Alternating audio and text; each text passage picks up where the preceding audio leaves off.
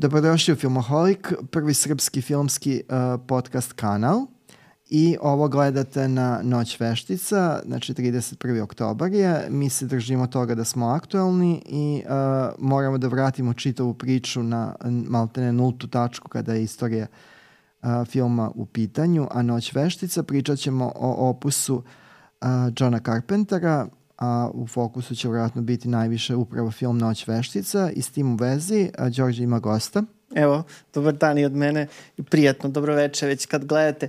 Ovo je naravno čuveni Michael Myers u minijaturnoj formi. Srećom da je tako mali, da je veći, imali bismo verovatno problema da se izborimo sa njim. Ovo je kao neka kombinacija Michael Myersa i Chucky, što da. se tiče veličine jedna fina ilustracija na temu zaudnih troškova i konzumerizma, znači kad Jeste. ne možete... Užasi da, konzumerizma. Da, užasi postmoderne, postmodernog konzumerizma, znate da grešite, ali ne možete da odolite.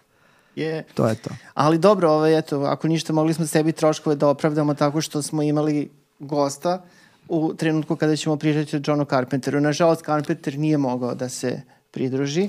On je nešto... I na, sreću, imajući vidu u, u, u kom koliko je, je zlovoljan. Da, da. da, koliko je zlovoljan u, u kom je izdanju što se tiče autorske forme. Da kucnem u drvo, nadam se da ovo drvo dole, znači Čiče je živ, 46. godište je, znači to su sad već neke ozbiljne godine, živ i aktivan relativno, ali nešto se ulenjio i ne voli više da radi i rekao je da filmove najverovatnije više neće ni snimati. I hvala vam na to. Pa da, treba znati kada stati. Ali ono što je fantastično jeste zapravo karijera Johna Carpentera koja, evo ja malo sam se podsjećao, mislim poznajem ja to ono kao jako dobro, ali naravno Svaka nije loše. Čast. Pa dobro, volim, Carpenter mi je jedan od, od omenjenih.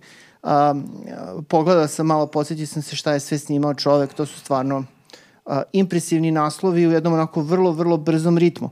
Jer tokom 70-ih i posebno 80-ih Carpenter je praktično jedan film godišnje snimao. Tako da, bilo je tu i nekih promaša ili slabih filmova, ali u suštini gledano to su zaista jako, jako pristojni filmovi. Kada vidimo um, uratke um, reditelja koji sada stvaraju unutar žanra, recimo, uh, i koji imaju taj, oni prvo i nemaju taj ritam od godinu dana, novi film svake dobro, godine. To je dobro što nemaju. Da, ali Carpenteru je to tokom jednog perioda polazilo za rukom i mislim jako, jako ima dobre, dobre, dobre naslove.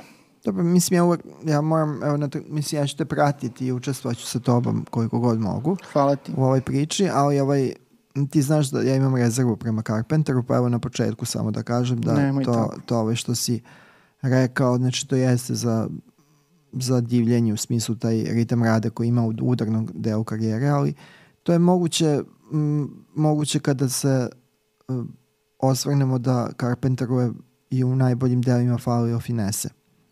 To je reditelj koji je kao znao da, da poentira, znao da uradi kako treba, ali to nije reditelj velikog zamaha i neko ko ima autorsku finesu. Ja sam nekako, ako treba da se sad mm. i po tom pitanju ovaj delimo, ja sam uvek bio tim čak i kada je on brljao tim Walter Hill, budući da su oni krenuli negde manje više u isto vreme. Dobro, ali ipak drugačiji su autori. Drugačiji su autori, ali kao htio sam da kažem da evo to je uh, negde manje više ista era, go, godina gore dole, ali kao kod Waltera Hilla zaista mogo da se priča o autorskoj osavesti. U svo poštovanje prema Walteru Hillu koji stvarno jeste bio bitan reditelj, mislim živi, ali nešto, ovo što sad snima u posljednje vreme nije sjajno ali dobro, nije ovo što snima Carpenter, da, to je što manje, ne da. snima, da. da. Ali uh, meni je Carpenter stvarno draži, mislim, iz više razloga, možda zato što je i više inklinirao avanturističkom filmu, hororu i SF-u, koji su meni nekako uh, bliži od ove Amerikane koju je, koju je, koju je forsirao Hill. Ali dobro, mislim, bitni autori nije, nije, nije sporno. Uh, Što se Carpentera tiče, eto malo da se, da se pozabavimo njegovim životom, njegovim opusom. Uh, on je rođen 16. januara 1948. godine. Da. Uh, znači, um, uh, sada mi napunit će, ja mislim, 77 godina ili tako nešto. Da. Ovaj, uh, Otac mu je bio sitni par hranio je devet gladnih usti. Pa nije, nije bio sitni power.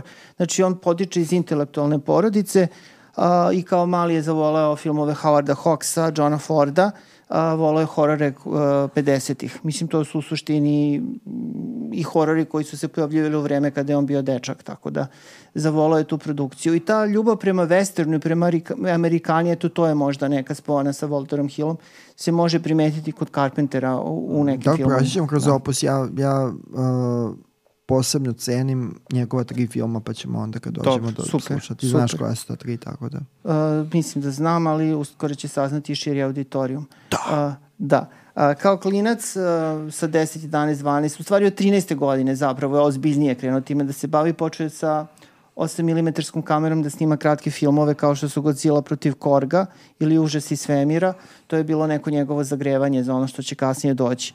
Nakon toga je upisao i ovaj, upisuje tu neku filmsku školu, ajde tako da kažemo, ali nije završio pošto je krenuo da radi i onda jednostavno Radnički nije, univerzitet. Nije imao, nije imao vremena više da se bavi ovaj odlaskom na predavanja, ispitima i tako dalje.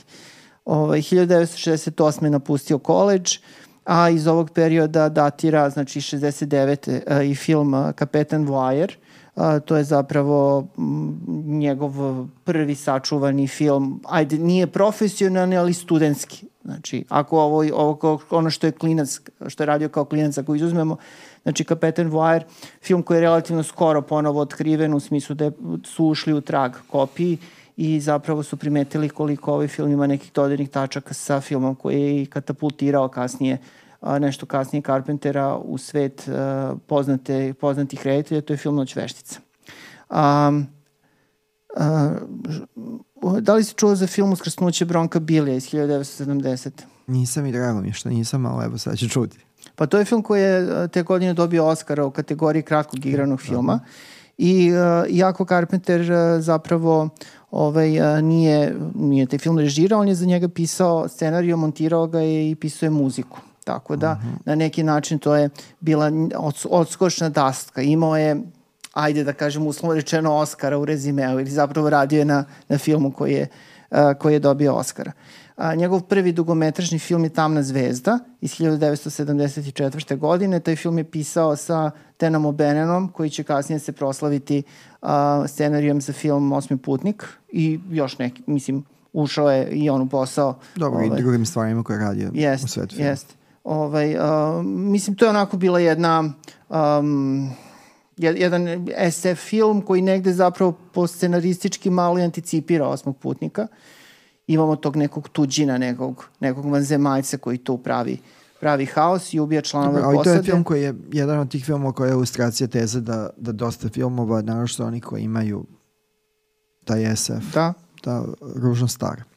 Dobro jeste, mislim i to je onako, ajde da kažemo poloamaterski film da. u suštini, da se ne lažemo.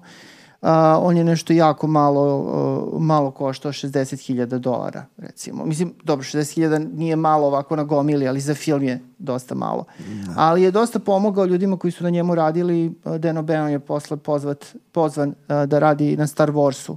Ove, Lukas ga je pozvao da radi na specijalnim efektima, pošto je O'Bannon i pisao scenarij i glumi i radio specijalne efekte u Tamnoj zvezdi a i sam Carpenter kao reditelj ovog filma, jedan od scenarista, je otvorila su mu se neka vrata ka, ka sledećem filmu. Dobro, to je smisao tih filmova, znači ranih da, da, da, da budu preporuka da neko može da pokaže svoje mogućnosti, a na, na, na, na planu neče konkretno kaže evo ovo ja mogu u ovom trenutku, u ovim okolnostima, ako mi prušite priliku možda će biti bolje. Dajte malo para više i bit će da. bolje.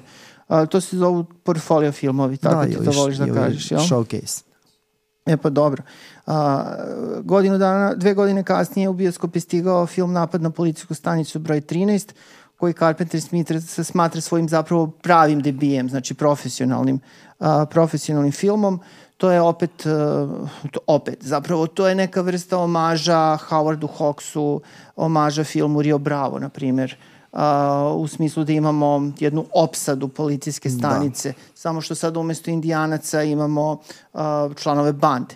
Uh, mislim da je ovaj film prilično interesantan i da se i dan danas uh, dobro drži. Da, i to je film jedan redki, kao jedan od redkih filmova koji ima dob, dobar remake koji je možda zanski još bolji od izvornika, ovaj Richelle film sa Ethanom Hawkom i Lawrence Fishburnom, on je bio gotovo odličan. Da, kasnije su ti, ti rani Carpenterovi filmovi su počeli da dobijaju te remake, da, tako, da. remake-ove. Prepravke. Ovaj, prepravke, prerade. da ovo je, jeste jedno, jedno, jedan od boljih. Ovaj, uh, Definitivno da. ismislenik, jer je neko ponudio nešto novo u okviru istoga. To je zanimljiva ta začkoljica uh, gde, gde su ovaj, uh, opasnost preti s polja, a opasnost se gotovo ne vidi. Znači, je tako? U tom smislu uh, ovde se vidi, ali kao sva, u, u, negde nisu u, ce, u centru kadra. Znači, odjek toga imamo čak i kod nas pre par godina u filmu Mrak Dušana Milića, mm. koji problematizuje život preostalih Srba na, na, na Kosovo i Metohiji. Tu imamo sličan pristup, opasnost koja vreba iz uh, mraka, to je negde kao eho toga, što je zgodna, mislim jeste kao ovaj, fina začkoljica u smislu motiva, ta nevidljiva opasnost je sve prisutna, a s druge strane je i dobar način da se nekad prebrodi ovaj, uh, neka budžetska nedostatnost i to je dosta filmova kasnije koristilo, ne govorim sad o mraku, nego drugima, da, da uh, ljudi koji se nalaze u opasnosti u zatvorenom prostoru, uh, na njima je fokus, a opasnost nekako rešava kroz sjenke, zvukove, ali uh, ne mora da se obezbedi taj deo kadra. Da, da. Ovaj, mudar sam. Mudar si, sam Carpenter je kasnije sebe ovaj, omažirao uh, film O, da Prince Tame je da, da. u suštini neka vrsta prepravke. Pre, da, da, parafraza. Da, parafraze, da, to je bolji izraz. A, inače, 78. godina je bila dosta bitna u Carpenterovoj karijeri. A, s jedne strane, a, te godine se pojavio film Oči Laure Mars, za koji je Carpenter pisao taj predložak na osnovu koga će biti napisan scenario. Da, nije ni da, nego baš. Ali dobro, znači, kreditovanje i to je zapravo prvi film uh, neke major kompanije na kojem je on radio. To je ovaj poznati, znaš, thriller sa Znam Faye Dunham. to je Faye Dunham, Tommy Lee Jones, to je režirao Irving Ker, uh, koji će režirati Star Wars. Da, tako da Kasnije, mislim... koji to i koji je ovaj negde uh, bio zanimljiv reditelj koji je negde nestao u nekom trenutku, ali kao ta karijerica od 5-6 filmova je prilično zanimljiv. Da, i ovaj film se i danas smatra kao jednim od zanimljivih trilera tog perioda. Tako Kad... nas je bio jako, jako često emitovan na TV-u. Jest, jest. Um, Uh, inače, uh, te iste 78. godine Carpenter je uh, uradio jedan televizijski film, neko me posmatra, sa Lorin Hatton u glavnoj ulozi. Uh, to je film o jednoj ženi koja postaje, uh, nalazi se zapravo na meti psihopate koji kreće da je, da je progoni. Da, to je a, znatno bolje. A epizodnu ulogu, znam ti bolje u odnosu na? Oče Lorin Mars kad ga skorije, kad ga pa ne poglaš, meni jeste. Da, ne, ne bi Mislim sad... na stranu Faye Dunaway, nego samo kažem da, da ovaj film kao film. Dobro, mislim... Žanrovski mnogo uspešniji, znači tako da. Dobro, i mislim pojavljuje se Adrian Barbo koja ovaj, tu glumi epizodnu ulogu i koja će zapravo se upoznati sa, sa ovaj Carpenterom na, na, na snimanju tog filma, tako da oni su ovaj, se upustili u vezu koja će biti kronisani brakom, koji će trajati nekoliko godina. I zapravo Adrian Barbo, glumica koju ja prilično volim, ona je i rodila Carpenteru jedinog njegovog sina, ovaj, Kodija Carpentera, e, sa kojim... Pa dobro, oni sad radi zajedno muziku, njih da, dvojica, da, dobro, tako da... To sam prebrinuo. E, da. znaš sad i to. Ovaj, e, ali onda dolazimo zapravo do, do, do ključne stvari. Ovo su bili lepi neki uspehsi, ali onaj pravi, najveći uspeh iz 78. je zapravo film Noć veštica koji se te godine pojavio u bioskopima. U pitanju je film koji je um, koštao oko 300.000 dolara, mislim što i za tadašnje uslove nije sada bila neka ogromna, ogromna uh, suma, a zaradio je preko 65 miliona i postao je um, pa možemo reći, jedan od najprofitabilnijih filmova ikada snimljenih u, u Hollywoodu i šire. Um, u pitanju je mala produkcija, skromna produkcija, jedan efektan film, kasnije će se filmovi te vrste će dobiti, biće, biće nazivani slasheri, a u tom periodu još uvek i nije postojao taj termin, znači on će tek kasnije biti uspostavljen i tu slasher maniju možemo reći da je, da je zapravo pokrenuo film Noć veštice i Michael Myers koji se u tom filmu pojavljuje kao glavni negativac sa nožem naravno. Zapravo, mislim ako ćemo pošteno Noć veštica je parafraza psiha. Mislim prvog romana pa onda i filma Bahovog. Ima svakako uticaja Hitchcocka, ima uticaj Boba Clarka, ako se sećaš, a sećaš se sigurno ovaj, njegovog filma Crni Božić, koji je mhm. vrlo slično koncipiran, a nekoliko godina ranije je nas, nastao. Tako da, ovaj, bilo je čak neke priče da je Carpenter ponudio, imao neku ideju za nastavak Crnog Božića koji je Bob Clark odbio, pa je onda on kasnije to preradio zapravo u scenariju za, za Noć veštice. Na Noći veštice radio sa svojom saradnicom Debrom, uh, Debrom Hill, Hill, koja je bila jedan od scenarista, znači Carpenter i Debra Hill su i napisali uh, scenariju za ovaj film, a uh, Debra Hill je ugradila neka svoja sećanja i iskustva iz života u malom gradu, odrastanja. I, Stavno ovaj, pomislim ga ugradila na nešto drugo. a ne, nije takva Debra Hill. Ovaj, to, je, to je bila uspešna saradnja između njih dvoje. Ovaj, ja mislim da su oni čak i emotivno bili ovaj, u vezi jedan izvestan period. Ovaj, Debra Hill je kasnije otišla, producirala neki zaista, pošto ona producentkinja po vokaciji, producirala neke zaista jako uspešne filmove, ono, Kralj ribara i tako dalje. Znači, ovaj, do Oscara je stigla što se tiče tih nekih nominacija i primećenosti. Um, no. Um, Ellen fenomen noće veštica stvarno traje dan danas, na sreću ili na žalost. Znači, stalno se pokušava da se ponovi ovaj, ta, ta, ta formula i ta magija koju Carpenter tada uspeo. Znači, to je savršeni hollywoodski film u smislu minimum ulaganja, nepoznati glumci, manje više.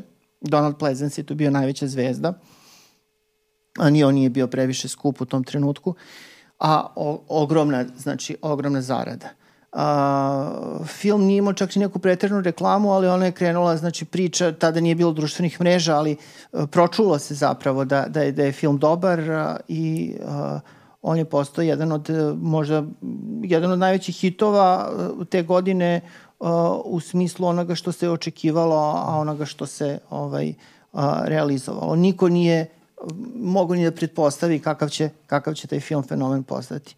Nakon toga, naravno, usledili su brojni nastavci, mada što se tiče ovog filma možda bi bilo zaista najbolje da se da se zaustavilo na tom prvom. Da, to je jedan od serijala koji je, ovaj, koji je počeo da propada od, od već drugog, ali drugi meni bio zanimljiv zato što je to je jedan od redkih primera, pričat ćemo više o jednom srodnom slučaju koji je kasnije došao, da se uh, na drugi deo nastavlja direktno uh, na prvi. Da, u pitanju da. ista noć zapravo. Ista da. noć, uh, ono, i uh, pokušaj da se to nešto i, uh, učini sa filmoma, da se oni izmesti u ovom konkretnom slučaju u bolnici. Kad sam bio mali, mene prilično uplašila ona scena u ovom um, onom bazenčatu. Mm. To mi je bio ovaj malo. Za fizioterapiju. Za, fizio, da, da, za, za fizikalnu terapiju, to mi je bio ovaj prilično neprijatno, ali generalno... Da, inače ta scena je da. ukradena iz uh, tamno-crvenog Dario Argento. Da. Ali dobro. Ali ovaj, dobro, i Argento je znao da, da uzme i čitava ta italijanska bratija je bila veoma otvorena, pre, ovaj, relaksirano se odnosila prema ovaj, tuđim, uh, tuđim domišljatostima i dostignućima, tako da je to sve u redu. Mislim, to je popularna kultura. Uh, ali ovaj serijal je zaista ovaj, on, rapidno propadao i uh, zanimljivo je da, da i kasnije inkarnacije ovog serijala nisu ništa ovaj, uh, dobro donele. Da, David Gordon Green je sad sa ovom trilogijom kao pokušao nešto to da ovaj, podigne na neki viši nivo, ali ti filmovi su stvarno Pa to je podignuto u najmanju ruku da, problematični. Da, da. Podignuto je više nivo u smislu da su to očigledno filmovi uh, više lige proizvodne, ali na kvalitativnom nivou to je ispod, ispod Carpentera. A ja sam pre svega mislio na onaj povratnički, onaj H2O, Da, to da. Je, mislim, to je čak, mislim da je to režirao Steve Miner. Da. Steve Miner je čovek koji je znao u slučaju Warlocka i uh, sličnih filmova da, da, da, da ubode. Lake Placid kao horror komedija. Dobri njegovi da. ovi nastavci petka 13. su. Da. On je radio drugi, ali, da, treći. Da, ali to je drugi zaista je dobar baš. bio loš film i jedan od filmova za koje možete da kažete hvala im što ne traje tako dugo, pošto ja sam bio, ja se sećam da sam to u Kozari gledao, bio se zapanjen koliko je film kratak. To je nešto bio sat i 15, nešto kao ovi srpski garažni no budget filmovi, znači jedva navučena ovaj minutaža, a i u, u okviru te sitne minutaže treba to prevariti. Da, pa dobro, mislim, taj serijal ima jako, jako ovaj, puno A bio je veliki, veliki nas u smislu povratka. Pa dobro, jeste. Majra da. Marks ga je uzeo i tako. Da. Jeste, mislim, očigledno to podgrejavanje uspešnih filmova sa vremena na vreme je ono kao nešto što se teško može zaobići. Tako da ja verujem da, evo već se i najavljuje, da, da. i najavljuje se da će, pošto je navodno ovaj Gordon Green zaokružio je kao tu trilogiju, to je to, kraj priče, ali ne, već se najavljuju novi projekti i ovaj, tako da Michael Myers će se vratiti. Ali Carpenter više neće imati veze sa tim. Do duše kod Gordona Greena je radio, ovaj, radio je muziku. On ovaj, zapravo prerađivao je onu svoju poznatu melodiju koju je komponovo i za izvornu Noć vešticu. Pa dobro, kao Carpenter, kao muzičar, ako ćemo pošteno, je čovek ograničenih ovaj, mogućnosti. On tu više sad, on tu muziku, ne mislim samo na konkretno tu muziku, na muziku koju je posirao, je posirao po prepoznatljivosti svog imena. To nije nešto, nisu to značajni ovaj, dometi. Efektan je on. Zna se synthesizerom da. lepo. Pa mislim, dosta njih zna sa synthesizerom, tako da mislim nije to. Dobar, dobar je. Da. Ovaj, mislim, tema za noć veštice je jedna od najprepoznatljivijih tema u, istoriji filma, tako da treba to imati u vidu i treba to poštovati. Uh, Elvis je uh, televizijski film iz 79. Uh, s tim filmom je on zaokružio uh, ovaj, ovu deceniju i to je njegova prva saradnja Carpenterova sa njegovim omiljenim glumcem. Iz tog perioda. Iz tog perioda. Pa dobro, mislim da mu je to omiljeni glumac generalno. A to je ko? Kurt Russell. Naravno, jedan jedini. I onda dolazimo u 80. kada je zapravo taj uspeh Noći veštica Carpenter otvorio mogućnost da snima film za film godinu za godinom. Uh, Daj mi malo. Moraš da ga podigneš da bi videli gledalci. Čuvaj ga. Samo pazi da te ne bocne. A, dobro, gde smo stigli? Stigli smo do Magle, 1980. Ja ne volim taj film, ti? Pa to redko ko voli. To je jedna jako nategnuta parabola o strahu nadirućeg uh, komunizma u, ovaj, u atmosferi tih uh, 80-ih koji su produbili ovaj, produbili ovaj, uh, taj honoratovsku mantru da, da se istoka vreba nešto jako, jako zlokobno. Ovde je jako predstavljeno u jeftinom simbolu makle. Ali zanimljiv je, na taj, film, taj nam je film zanimljiv zbog, ovaj, uh, zbog toga što uh, glavna junakinja u tom filmu je radijska voditeljka. Koju glumi Adrian Barbo. A radio. U to pre, vreme da. supruga. Da, radio je zapravo preteča podcasta. Znači tako. Znači to je ta spona, da. da. Super je Adrian Barbeau u to film, on je najbolji deo filma definitivno. Um, nakon Magle, Backstreet New Yorka 1981. i nova saradnja sa Kurtom Russellom. Taj film se danas smatra kultnim i ne bez razloga. Dobro, i pominje se često kao da će biti remake uskoro. Prete, prete, stalno tome. Čak je ovaj bila i priča da će Wyatt uh, Russell, sin uh, Kurta Russella, i Goldie Hawn, tako? Da, mislim ovaj, da je ovaj, zajednički, da. E, ovaj, da će on glumiti glavnu ulogu Snake Pliskina ili možda sina Snake Pliskina, ne znam koji je koncept, ali ovaj, do ovog trenutka nije došlo do, do te realizacije. Film do duše ima nastava koji je sam Carpenter uradio ovaj, tokom 90-ih, o njemu ćemo nešto kasnije.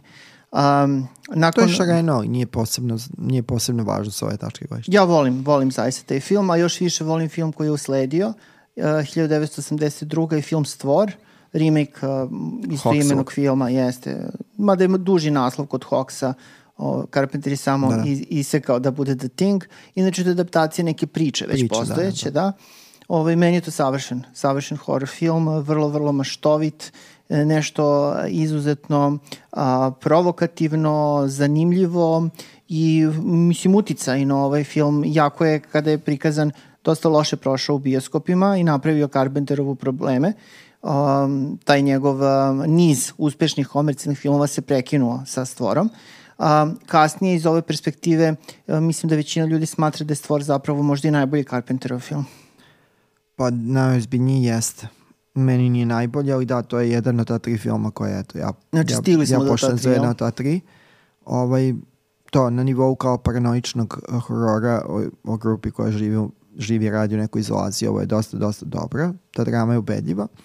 Carpenter, to smo pomenuli na početku, dosta ovaj, vremena troši u poslednje vreme besmislenim raspravama, izazivanjima polemika, negde na nivou ovih naših uh, VIP-eva koji zapodevaju svađe. Misliš na, na Darabova Mara da, da, i slično, da. Uh, on se sada umeđu vremenu i uh, posvađao javno sa uh, svojim direktorom fotografije upravo oko filma Stvor, uh, Uh, jer uh, godinama kolaju ti to mnogo bolje znaš od mene, one priče ko je na kraju, da li je... Da, da šta da je, je zapravo da. na kraju šta je se dogodilo, jel? Ko je od njih zaposednut u smislu koga je ušlo, da li uh, to, to nešto zlokobno, ovaj, da li Kurt Russell ili Keith David. A direktor, ili obojice, da, ili nije. Da, da, da. A direktor fotografije je rekao da zapravo dogovor je bio da uh, kod uh, svakog uh, ko je postao žrtva bude žuti osjej u oku tokom tih close-upova, odnosno krupnih kadrova, to Carpenter kaže da je to gola glupost i da je to ovaj izmislio da bude pametniji. Možda je Carpenter zaboravio. Da, pa mislim, meni delo je kao to nešto, ono, ono kada ljudi u tim ozbiljnim godinama počnu, zapadnu taj prozivački deo, pa ne idu baš u, u dvocifrene, trocifrene autobuse a, po Beogradu da se svađaju, nego koriste te svoje platforme, komik konove i slične skupove, a, da, da, da raspravljaju se o nekim suštinski nebitnim stvarima. Ovde je to najmanje važno, pošto to je jedan od njegovih najkvalitetnijih filmova, I mislim I da, taj film će da, ostati. Da, i taj to, film će da. ostati unutar njegove te pozicije kao nešto. Pa ja mislim da ono kad se stavi u zagradu, Da. bit će noć veštica, stvor i Tako da to apsolutno nije važno, još manje va, važan neki sukob kojim se sad podgreva medijska prisutnost. dobro leto možda će neko poželiti da pogleda film pa da vidi ima li žutog oca ili nema. Da. Ovaj, tako Nekako da, ja uvek više verujem direktorima fotografije, montažerima, jer a, oni su zapravo suštinski zanatlija reditelj, neko ko orkestrira čitav sve to, ali ma oni su ne. da, ali ovaj direktor fotografije je neko sa čim radom se mi ponajpre ovaj, Da. susrećemo u film. Pa dobro, bez dobrih saradnika nema dobrog filma, tako da. Da. mnogi reditelji koji su kao smatrani za sjajni kada su izgubili mogućnost da sarađuju sa kvalitetnim ljudima i oni više nisu bili na tom nivou kao na početku karijere. Uh, nakon, uh, nakon Stvora uh, snimljen je film Čovek sa zvezde 1984. Starman. Ja mislim da je Čovek sa zvezde da je, da je Čovjek sa prevod. zvezde je bio pre, to je jedna Da. veoma onako saharinska melodrama sa, sa blagim uplivom na ovaj, motiva fantastika. I da A ne kažem nije baš naučne blag, fantastike, ima da. ga. Jeff Bridges i Karen Mislim, Allen nije toliko glume. važan, da, nije toliko važan Da, taj a motiv. to nisam znao, eto možda ni naši uh, gledalci i slušalci ne znaju da je Michael Douglas producirao taj film. To je zanimljiv moment. Ali nije želeo da glumi u njemu. da Da. Ja kad sam bio dete, meni je to, to ovaj bio možda kao vrhunac uh, filma, posle kad sam ga pogledao deset i kusur godina kasnije, bio sam prilično razočaran. Ta melodrama je veoma nategnuta, sama ideja je kao, što bi rekli susedi, srcedrapateljna, znači on je čovek koji je došao sa zvezde, oročeno mu je vreme koje može da provede ovde, a doživeo je nevjerojatno duboku romansu sa zemljankom. Naravno, zemljanke su... E sad dosta pomaže ako si, Laka roba. da, ako si čovek sa zvezde pa izgledaš kao mladi Jeff Bridges. Da, to, To, pomaže. rešava, da, rešava dosta problema tu. Ma da on tu uzima lik njenog pokojnog muža. Da, da, tako dobro, da, naravno. pokojne ljubavi. Inače, preskočio sam jedan film, izvinjavam se, između čoveka i zvezde i stvora režiran je uh, film uh, Kristina po Stephenu Kingu. A, zapravo Carpenter je trebalo da režira potpaljivačicu po Stephenu Kingu, ali izgubio taj posao zato što je stvor loše prošao u bioskopima. Tako da da li je sad neka utešna nagrada bila režiranje Kristine? Možda, ne znam. Ali taj film dugo nisam reprizirao, koliko kad se ja sećam iz ove perspektive, to je pristojno urađeno. To je sasvim bio u redu i meni je bio zanimljiv uh, uh, ne kao žanrovski film ka, kada sam ga reprizirao kasnije u nekim u mladosti, a nekim i ozrelim godinama da ovaj uh, da ovaj bio mi je zanimljivo da uh, do koje mere je u tom filmu zapravo važniji ovaj važniji motiv te anksioznosti mladića koji ovaj koji tu ovaj uh, koji nosi čitavu priču, a ne, moto, a ne motiv uh, automobila ubice. Dobro, mislim i ta Da. cela priča o automobilu ubici je prilično sumanuta. Pa generalno su Da. to pričao, to su, to su Kingove. Mislim i sam King kad je režirao film, on je uradio nešto slično. Da, ono Maximum Overdrive je da, bio... To je jedan grozan jeziv film na svim Jeziv. nivoima. Ali Jeziv. ovde hoću da kažem na drugo gledanje kada sam imao 20 kusur godina. Meni Znači, Kristin- nedavno. Da, nedavno, ne, ba, da, baš nedavno. Ovaj, trepnuo sam i, i već sam se stvorio ovde u ovom studiju. Ovaj, a, Kristina je meni bila zanimljiva to po tom liku koji glumi Kit Gordon. Kit Gordon. Glumac koga znamo i pamtimo iz ovog uh, obučena da ubije, a zapravo kasnije izvrstan reditelj Mm. A, sa par filmova koje baš volim. Znači taj uh, lik, uh, ta, kad bi ta drama bila više centrirana na njega kao na, na nekog ko, ko pati od, od, ozbiljne, od ozbiljne anksioznosti, neprihvaćanja nesnađenosti, on bi bio još bolje, ali naprosto ovo To bi jeste, onda bio da, drugi film. drugi film. Ovo jeste kao adaptacija Kinga koji, koji je tek u rukama ljudi koji znaju za neku tu, ajde ponovim finesu, uspevao da se izdigne na neki Mm. a, viši značajski nivo kao Carrie. Da, ali da, ovde da, da, naprosto da, da. Carpenter nije, nije Da. taj kalibar Nije i nema, i nema, hteo ta, ili nema ta da. zanimanja koje ima ovde. A Kelly Preston imao epizodu u tom filmu, glumi neku lepoticu, jel? Da, ja sam, da, to, Da. sad kad kažeš to se sećam, Da, ali da. to je... Adriana da. Polo, da. je li tako? Ona glumi ovaj, uh, glavnu žensku ulogu. Ovo što je posle glumila u Baywatchu. A, da, da, Aleksandra. Aleksandar. Aleksandar Pol. Da, Aleksandar Pol je, mislim, on je već duže vreme, a tada igrao, on je bio u onom čuvenom filmu uh, Lutkice mislim da je od papirata i čuveni TV film koji je bio jako popularan o, o zloupotrebi manekenki mladih se mm. Hana, ona je tu bila glavna i ona je dugo tu se kretala, ona je rano počela i tako, a na kraju I nestala, eto, da. u zrelim godinama je do, dospela do Baywatcha gde je bila kao zapravo najstarija Baywatcher. I posle se inkarnirala u psa. Da, inkarnirala se u jednom trenutku u psa. Dobro, ali to je sad već neka druga priča. To je priča. sad digresije, digresije, digresije, digresije. E sad ide film koji mislim da ti voliš, a to je Velika gužva u kineskoj četvrti. E pa nije on ta, ta tri, ali to je film koji je simpatičan. 86. Da. godina. Uh, Njega sam reprizirao, nije možda trebao, da. Stani, znači Kurt Russell, Kim Cattrall. Kim Cattrall. Uh, ima, ima još tu, ima ovih Azijata. Az, puno Azijata ima. Da. Ja svaki put kad su ti Azijati iz 80 ja mislim da, da je uvek tu onaj Hiroyuki Tagawa, onaj japanski epizodista koji je nedavno primio pravoslavlje. Uh, a onda se ispostavi da nije on, nego da je neki drugi što govori o, mojim, ovaj, o mom latentnom rasizmu. Ali to je prilično zabavan film i pokušaj da, mislim, Carpenter to mi se sviđa, on je kao od početka bio označen kao reditelj horror filmova, ali u tom periodu svoje karijere on je dosta eksperimentisao i pokušavao neke druge žanrove da preće.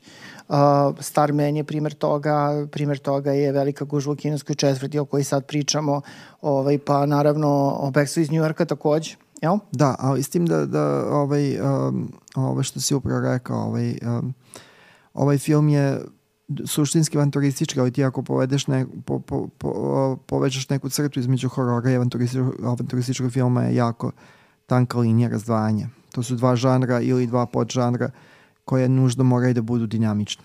To je tačno, ali dobro. Ovo onako najviše, ne, najbliže što se recimo Carpenter približi Indiana Jonesu, čini mi se. Pa to je ovde bila ideja. Da, te film je da. jako loše prošao u bioskopima i dodatno zakomplikovao da, situaciju. Mi možemo jednom pričati baš o tome uh, koliko smo mi bili na kraju lanca informacije, ne ti ja, nego kao svi mi skupa. Da, da, I u kako Srbiji, u Srbiji, Jugoslaviji i u ovom delu sveta uopšte.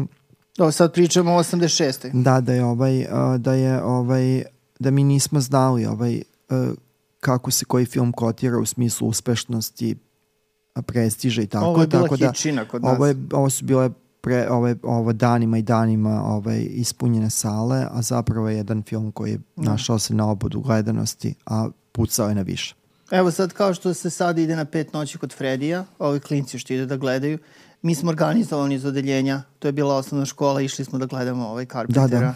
Mislim, verovatno čak i bez svesti da je, bez svesti da je režirao Carpenter, ali taj film je onako baš bio kao puno se, puno se o njemu pričao. Da, i gledaj, na primjer, mislim, tad se u to vremenu, mislim, normalno, mnogo manje se znao, ja imam neke traume koje su, koje se tiču tog odvođenja uh, Na silu u bioskop. Na silu u bioskop kada smo gledali one prizore seksa između životinja u poslednjoj Aziji svetu koji nestaje. Oni ježevi koji uporno naskaču jedan na drugog. To mi je bilo prilično traumatično. E su bod. Da, mi smo iz lokal, da, iz lokal patriotskih razloga poterani da gledamo u baš nežnim i malim godinama da gledamo oce na službenom putu, zato što je deo imišno sniman, tako da... Sniman je u kursalonu. Da, u kursalonu u Banji Koviljači, deo jedan. Uh, i to je bilo ovaj, uh, to je definitivno film koji je većina nas pogledala u nevreme, odnosno znatno pre. Ali kažem, ljudi nisu dovoljno uh, znali. Evo sad se uh, sad je uh, uh, ono kao naši uh, kolege podcasteri uh, su uspeli da razmrse jednu veliku, veliku misteriju. Ne tiče se Johna Carpentera, ali tek da stavimo u širi kontekst prikazivački.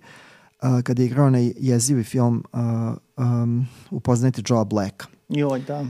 To je film koji režira Martin Prest, reditelj koga ljudi ovde sa pravom cene po filmovima ovaj, uh, po ovom filmu uh, Charles Grodin i Robert De Niro ovaj, to je, nije odmah da jedna reč u pitanju. Zasada, uglavnom, sedić se.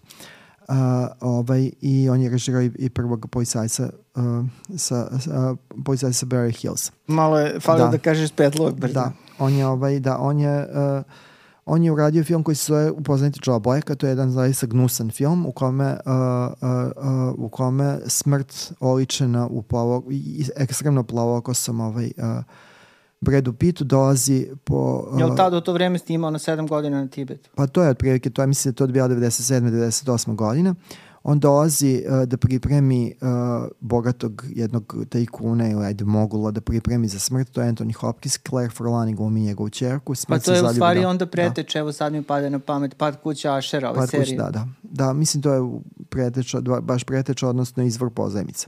Ponoćna trka, Midnight Ponoćna trka, da, to sam teo kažem, Midnight Run, to je bio veliki hit. Miri žene. Miri žene, da.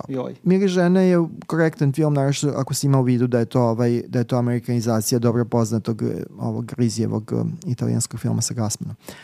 Uh, hteo sam da kažem da uglavnom taj film je, uh, taj film je imao najsmešniju uh, recenziju ikada u američkom časopisu Premijer. Oni su imali kratke, uh, kratke osvrte sa ocenama ABCD. Uh, uh, I umesto teksta kratkog o novom filmu, prikazan je Martin Brest, reditelj, uh, samo je okačena ta, objavljena ta fotografija u štampanom mediju, ovaj, o, na kojoj on spava na primjeri svog filma u Los Angelesu i to je za dva, to je bilo jako rečito, možda najbolja filmska kritika ikada, ali Uh, sada su uspeli podcasteri združeni američki i uh, australijski, uspeli su da razreše jednu veliku misteriju. Koju, Zorani, koju?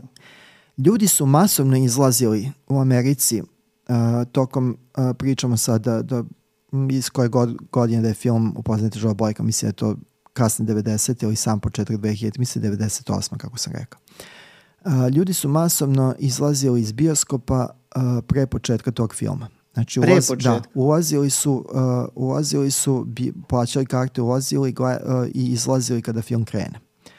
I bila je velika misterija šta se to dogodilo, budući da ljudi nisu mogli znati kakav je film i šta ih očekuje, kao da bi zahtevalo... Šta krene da špica pa da, izađu? izlaze, da i uh, to je bilo kao, sad je velika pitalica, imaju, neki, imaju i neke ove fotografije, snimci, ljudi koji masovno izlaze sa filma koji tek počinje.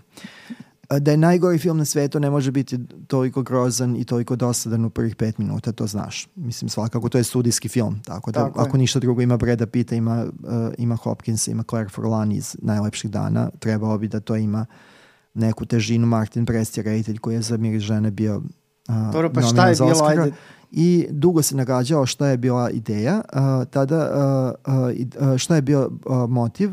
Motiv je jako jednostavan. Znači, nije do filma, a moglo je da bude, nego je do činjenice da je uh, uh, producent filma, odnosno studija koja je stajao iza filma, uz taj film puštao trailer za povratnički Star Wars. O bože, dragi. I jedini način da pogledate u tom periodu ovaj uh, trailer, mogao je da se skida, ali to bi kao otprilike uz dial laptop bio čitav dan da se skine. Ovaj, uh, jedini način da pogledate trailer za Star Wars. To je, Star Wars je zapravo prvi film koji je studio jedan uh, za koji je jedan studio hollywoodski osmislio tako opsežnu kampanju. To je prvi, prvi uh, film u istoriji filma koji je široko piratizovan znači koji je kao baš dobio jednu veliku piratsku Jel onda pričaš o epizodi 1? Da, epizodi 1. Znači, jedini način da pogledate taj trailer je bilo da idete da, da kupite ulaznicu da gledate film, uh, upoznate Joe Blacka. Dobro, mislim, opet već kad ste kupili. Tako da jeste. Moje mačvansko srce ovaj, uh, to ne bi razumelo, ja bih ostao do kraja filma, uh, imajući vidu da je plaćena ulaznica, ali eto, ljudi su masovno znači, izlazili pre početka filma nakon što bi pogledali trailer za Star Wars i znači ono malo zarade koju je film Meet Joe Black ostvario u tom a, trenutku ovaj, je bio proizvod a, želje ljudi da pogledaju da pogledaju trailer za Star Wars. Tako da, teo sam da samo to podcrtam ovde koliko, je, koliko smo mi slabo znali o tome uh, zapravo i koliko je neki film novi ili star. Filmovi su, na primjer, u Australiji su filmovi kasnije 3-4 godine, američki. Da, dobri i kod nas, bar dve, I kod tri. nas, ali kao, čak i tamo ako mi Australiju smatramo definitivno da je on dobro, treba da, da doputuje, da, da, ne, ne da, može da. to. I sad dolazimo u samu završnicu 80-ih i jedan studio koga Zoran jako voli, koji više ne postoji, kako se beše zove? On se zove Karolko. Znači, Ali čujem da, da ga zovu i da, Koralko. Da, neki ga zovu Koralko. To svi znamo dobro, ovaj, njihovo ne logo pamtimo s kraja 80-ih zbog drugog no. Terminatora, zbog svega i, i niskih strasti i mnogo dobrih filmova. Andrew G. Vine i Mario Casar. Andrew G. Vine će kasnije reinkarnirati se u smislu pojavit će se, vratit će se u rodnu uh, Mađarsku i preporojiti tam, tamošnju uh, filmsku industriju u smislu autorskog filma i svi ovi uspesi i onda će umreti. A Mario Casar je zanimljivo uh, pre nekoliko godina uh, u ovim glavnotokovskim našim srpskim uh, dnevnim novinama bio baš zastupljen sa pričom da će on u saradnji sa novim vlasnicima preporoditi Avala film, jer on kao veliki stručak ima obsežan plan da od toga to napravi novi Hollywood. Nije, nije se ništa od toga dogodio, osim što je Mario Kasar se zapljen u ovdašnjim medijima u, tim, u tom poznam deru karijere. Ali Karolko i uh, Carpenter su da? Zajedno uradili dva filma na kraju 80-ih. Uh, jedan od njih je Prince Tam iz 87. i godinu dana kasnije oni žive. Um, meni, zajedno. Kako misliš? mislim, ih dvojica, da. Ne. Pa dobro, mislim, da. studio da. je stao iza da. Carpentera, jel? Tako da, dobro, ovaj, e, to su sad B filmovi definitivno. E, I tu smo došli do onoga što sam ja rekao, dva filma koja baš cenim e. Carpentera, to su uh, Prince Dame. Ja ih volim da. jako. To, ja, su, to mi je da. udarni deo njegove karijere. To je onako baš lepo, on je valjda se potpuno sad rasteretio od tih očekivanja studijskih i tako dalje i ovo je režirao onako opušteno negde, što bi se reklo. Uh, ovo jesu B filmovi, ja mislim produkciono. Da u se svakom mo... smislu B da. ali to je, ali vrhunski, to je, vrhunski B, B filmovi, to je uh, B film u doba VHS-a uh, je bio, imao težinu tada, si mm. tako. I super, i oni dan danas jako dobro funkcionišu, ta dva filma. Prvi je baš horor, da. neka vrsta parafraze napada na policijsku stanicu broj 13 sa dosta nadprirodnih elemenata. Uh, I drugi je uh, film koji se može opisati kao SF, akcioni SF. Pa da blago komična distopija, znači koja kao ide negde na tom Fahrenheit 451, znači strahu od kontrole od kontrole države. I uticajni filmovi, ovaj drugi naravno. To je to. Ovaj, a, tako da, ovaj, a, da, ovo su mi dva omiljena filma. Meni su zanimljivi na nivou tih bočnih motiva. U Princu tamo imamo ovaj, jako dobar i filmičan prikaz tog rigidnog katolicizma. A u, u Oni žive imamo ovaj, prilično, ovaj, ne prilično, nego zaista ubedljivu ovaj, kritiku. uzbedljivu kritiku i metaforu ovaj, društva koja, koja, koja klizi ka, ka, ka jednoj a, jako, jako ovaj, um, izražene kontrole i slobode ličnih izbora. Da, to su i na nivou glumačke ekipe B filmovi, znači nisu neka velika imena. Ovaj, u oni žive, ja mislim da glumi onaj catcher, jel? Oni žive Rodi Piper, nije da. onaj catcher, nego čuveni Rodi da. Piper. Da, koji on je glavna uloga, da. da. On je pa super Rodi Piper, ne znam da je Rodi Piper, ovaj, on je catcher Rodi Piper. On je super ovaj, bio i umre pre nekoliko godina, nažalost, ali mislim da mu je ovo zapravo jedina velika uloga što se tiče tog filmskog dela karijere. Dobro, a da nije neka tuča u pitanju i to. Da, ovaj, i super je tu, on baš, baš je dobro odigrao a sa njim glumi ova glumica sa najneverovatnijim očima na svetu. Meg Foster. Ona je sjajna zaista u svemu što, što da. glumi. Samo je treba dozirati, to je tajna kada, kada pričamo o Meg Dobro, Foster. imali smo ju u Princu tamo, imali smo Lizu Blount. Jo, da. kako ona divna bila, da. da. Svi, svi pomiraš umeđu vremenu, ali da. eto, sve da. ostade Carpenter. Da, mi smo ovde da. kao ono, pišemo čitulje. Da, dobro, da. bili su, bili su to dobri glumci, znači kao nisu bile velike filmske zvezde, ali vrlo u pravim rukama vrlo upotrebljivi glumci i dopadljivi. Ovaj, dobro, Meg Foster još uvek živa. Ajde da ne sahranjujemo ženu ovaj, pre vremena. E, tako da onda saglasili bismo se da je kraj 80-ih, da, da je dobro za, za okružje deceniju. Da. I onda, onda dolazi do, deset. A, onda dolazi do, dece, do devete decenije mm -hmm. i dolazimo praktično do trenutka kada Carpenter definitivno kreće u strmoglav.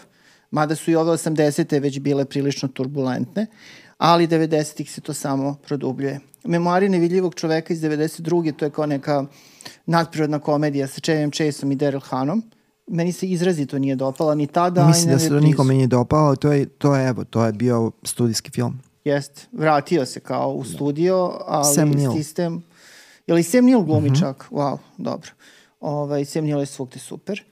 Ovaj, tako, da, tako da sigurno i u memoarima nevidljivog čoveka, ali vidiš Sema ne... A da, da, on je negativac. Da, da, dobar je bio kao negativac.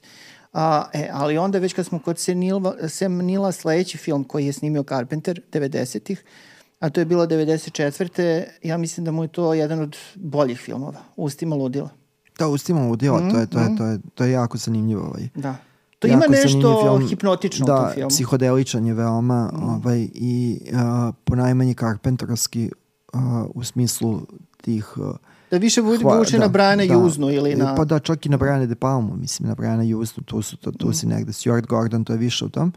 Ovaj, uh, Stuart Gordon, da, Stuart da, Gordon. U tom, Lovecraftovski. U tom Lovecraftovski veoma film.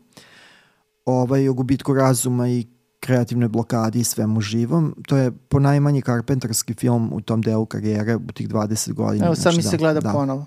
Eto. A, to je New Line Cinema producirao. New Line Cinema, Michael u vreme, da. da. U vreme, Michael naravno, da. ovaj, uh, Stravilici da. Brestovo, koje ćemo ove nedelje pričati. Posvetit ćemo jednu epizodu Stravilici Brestova tom serijalu. Uh, šta, pitaš me šta je posle tog filma bilo? Pa ne baš nešto sjajno.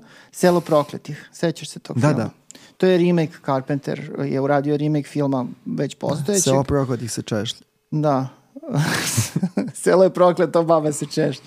Uh, meni je to stvarno bilo onako mm, na granici podnošljivosti. Jeste, i to je isto studijski film. Michael Paré tu oprašta se od, od, od skupljih filmova da. i zalazi u, u kal ovih jako potkaštih filmova i to je u redu. Mislim, Žena da, Hulka Hogana, da, da. Ona Linda Kozlovski. Kozlovski. Um, ko je tu još bio? Mark Hamill. Mark da, to je, to je zaista film uh, koji uh, ne može da se... Da, Christy, da, da, uh, koji ne može da se nosi ni sa ovim filmovima na koje referiše sličnim i 60-ih, mm. ranih 70-ih. Ali dobar je početak znači, izgleda, i onda se da, film raspada. Izgleda kao ovaj, potpuno promašena epizoda ovog uh, uh, Zoran Subraka. I tu je već polako krenuo Carpenter negde da se gasi, snimio je do kraja 90-ih još dva filma, Backflip iz LA-a iz 96 koji je onako pro, potpuno propao na blagajnama. A, navodno kao razvio je kao to neko tokom godina su kao ljudi shvatili da to zapravo nije loš film. Ja ga nisam reprizirao, ne mogu sada da, da se setim. Mislim da ne moramo sve ne reprizirati, to se mi su Ali znam kad sam ga da- gledao da, da mi se nije, nije dopao. Mislim u kontekstu njegovog karijera ovo je minoran film. Ali to svakako. A, ali poslednji film 90. koji je snimio 98. Vampi, Vampiri. Ovaj, meni je taj film sa Jamesom Woodsom i Sherry Lee u glavnim ulogama dosta... Pam Ne, u vampirima nije Pam Grier, sigurno. Sigurno nije u vampirima. U Bekstvu iz uh, LA je okay. uh, Pam Grier i kasnije u Duhovima s Marsa. E, onda si mislio da. Duhove s e, Marsa, da. Ovaj, ja sam čak taj film gledao na svetskoj premijeri. Uh, pošto je taj film nešto prikazan u Beogradu pre nego što je prikazan u Americi. Ona Sinemanija, da. da. Vjerojatno je Sinemanija, da. pa je ono dan ranije, ono kao zbog vremenske razlike. To znam, baš da sam kao bio proveri i vidio kao, wow, kao prvi gledamo Carpentera na svetu. Istorija Bjelice je bila na projekciji, toga se sećam. Jedna važna fusnota, da. Dobro, eto, malo da začinimo. Ovaj, ne znam da li izašla pre kraja filma ili nije, ali meni je taj film jako prijao i Dobre, volim ga i dan danas. To je zaista trash. Camp. Trash. Camp trash, trash, trash. Pa dobro, već se vidi ovaj taj, to je inače western kao ono, da kažem. Da, nominalno je western. Da, da, vampirski western. Već se vidi onako da je Carpenter polako počeo da diže ruke od svega u smislu, ajde režirat ću, ali kao neću se nešto pretrano unositi. I onda smo došli do 2000-ih i tu je već znači jako jako slab ovaj jako jako da, jako, jako. A, pa u smislu nema nije puno ni snima ima samo dva filma 2000-ih Ovaj, to jest, uh, 2001. je snimio film uh, Duhovi sa Marsa uh, i nakon toga dve epizode Gospodara horora, Opekotine od cigareta i Pro-Life. To su je bilo 2005 i 2006. Ok, to nisu dugometražni filmovi, to su 50-minutne epizode, ali o, možemo negde da ih tu ubacimo u okvir tog njegovog opusa, tim pre što u prvoj deceniji 21. veka i nije bilo ničeg drugog sem duhova sa Marsa. I poslednji film koji je Carpenter režirao, dugometražnji je uh, film The Ward. Ne znam kako je to prevedeno kod nas, odeljenje pa, strave ili da, tako moralo je biti nešto odeljenje strave, odeljenje ušas. Tako, ali Ward jeste odeljenje u smislu odeljenje ne u obučionici, nego odeljenje u, na, u zdravstvenom sistemu bolnice. To da. je jako loše. To je Amber Heard, kako se sasvim. Amber Heard jeste to. Je Amber Heard jedna od uh, čerki uh, Meryl Streep. Uh, I tako Ima, ima još neke glumice koje su kao bile ono up and coming u tom trenutku. Ovaj, pa mislim da nije toliko loše, ali to je jedan onako kao DVD film iz tog perioda za brzi zaborav otprilike. Da ga Carpenter nije režirao, nikoga danas ne bi ni pominjao. I tu se negde praktično i završava priča. Carpenter je uh, u više navrata onako mrzovoljno kako on to ume da, da radi poslednjih decenija ovaj, govorio da eto, jednostavno snimanje filma je previše teško i naporno, ne može da se toliko tome posveti i ne želi da se tome po posveti. Da li nije ni bilo prilika, s vremena na vreme se kao spekulisalo režirat će ovo, režirat će ono, ali se ništa od toga nije desilo. Verovatno i zbog njegove inercije. A, tako da u suštini... Provanje belih ljudi. U ovom periodu, pa dobro, on sedi na svom trosedu i malo komponuje, otprilike to. Komponuje zajedno sa sinom, čak ni to neće sam više da radi, solo. Ovaj, u braku i dalje sa Sandy King, producentkinjom. Znači, nakon razvoda od Adrian Barbeau, on se oženio sa Sandy King i ovaj, sedi kući i Dobre, zapravo čak, je...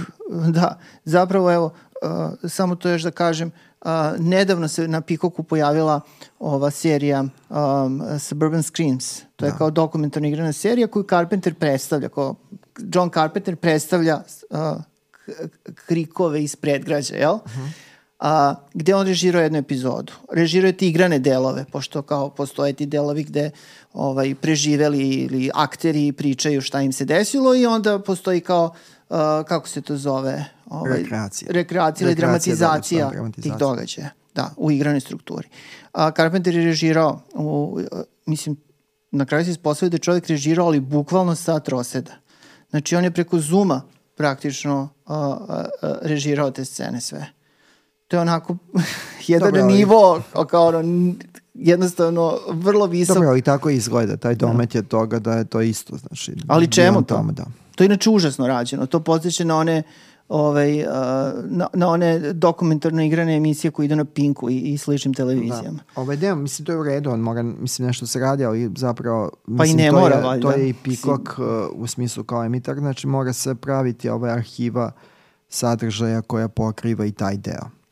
Ali loše baš je, mislim. Dobro, nije bilo planirano da bude loše, ali kao uh, postoji... Da bude dobro, da, misliš? Posto, da, da, da, po, da postoji tendencija, jaka, jaka sklonost uh, gledalaca uh, tom, uh, tom domenu, to true crimes i slično istih zločina. Uh, imamo one kanale, ja mislim da to je Identity, Identity Channel, gde, gde su zapravo čitav program su te emisije tog tipa. Znam, da, da. ali čemu trošiti vreme na to?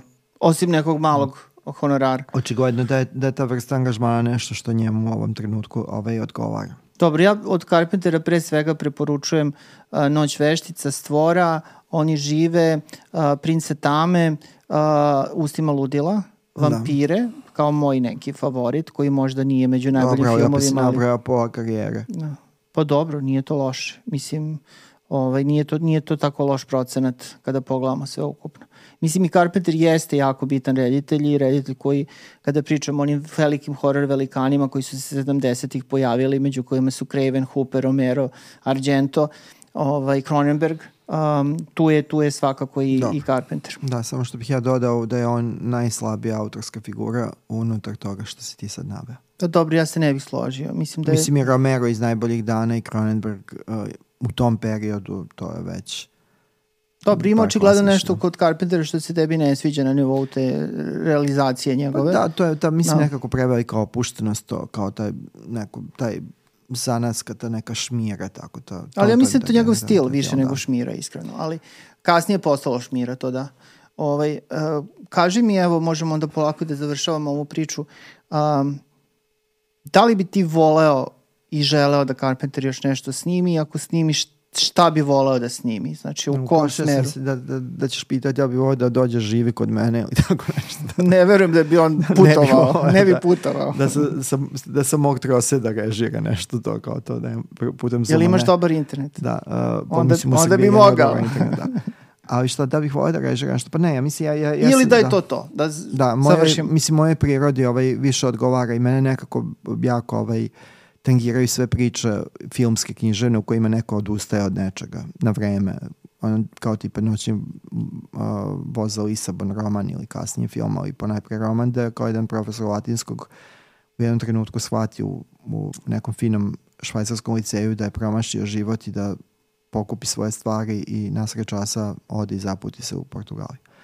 Uh, me to jako, ovaj, volim jako priče glumcima koji su na vreme se povukli, tako da ne, ne. Mislim da, da za Carpenter je dobro da ostane tamo gde je i da mogu, eto, neki podcasteri da pričaju o njemu i da, da, da se pominje njegov neki značaj, da se nekako prenaglašava to što je on radio u najboljim danima, da se ovaj, poturaju informacije o tome šta je on predstavljao i koliko je bio uticen, ali ne, definitivno ne bih voleo niti da gledam, a voleo bi da on radi ako mu to znači, ako ako će prekratiti. Mislim, Izgleda da mu ne da. znači. Izgleda ovaj, mu ni ne znači. Ali ja sam se od njega davno oprostio, tako da što se mene tiče, da li je posle filma ovog The Ward morao nešto režira, nije. Ali, pa nije morao da, ni to. Nije ni morao ni to, dosta toga nije.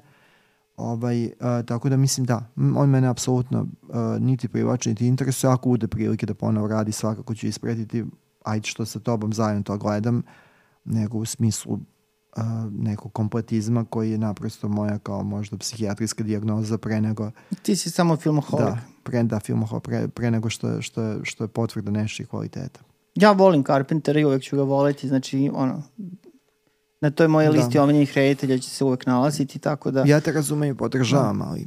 Mislim da je ono, na, ono najbolje što ali, imao da ponudi je da. ponudio, tako da nije to malo.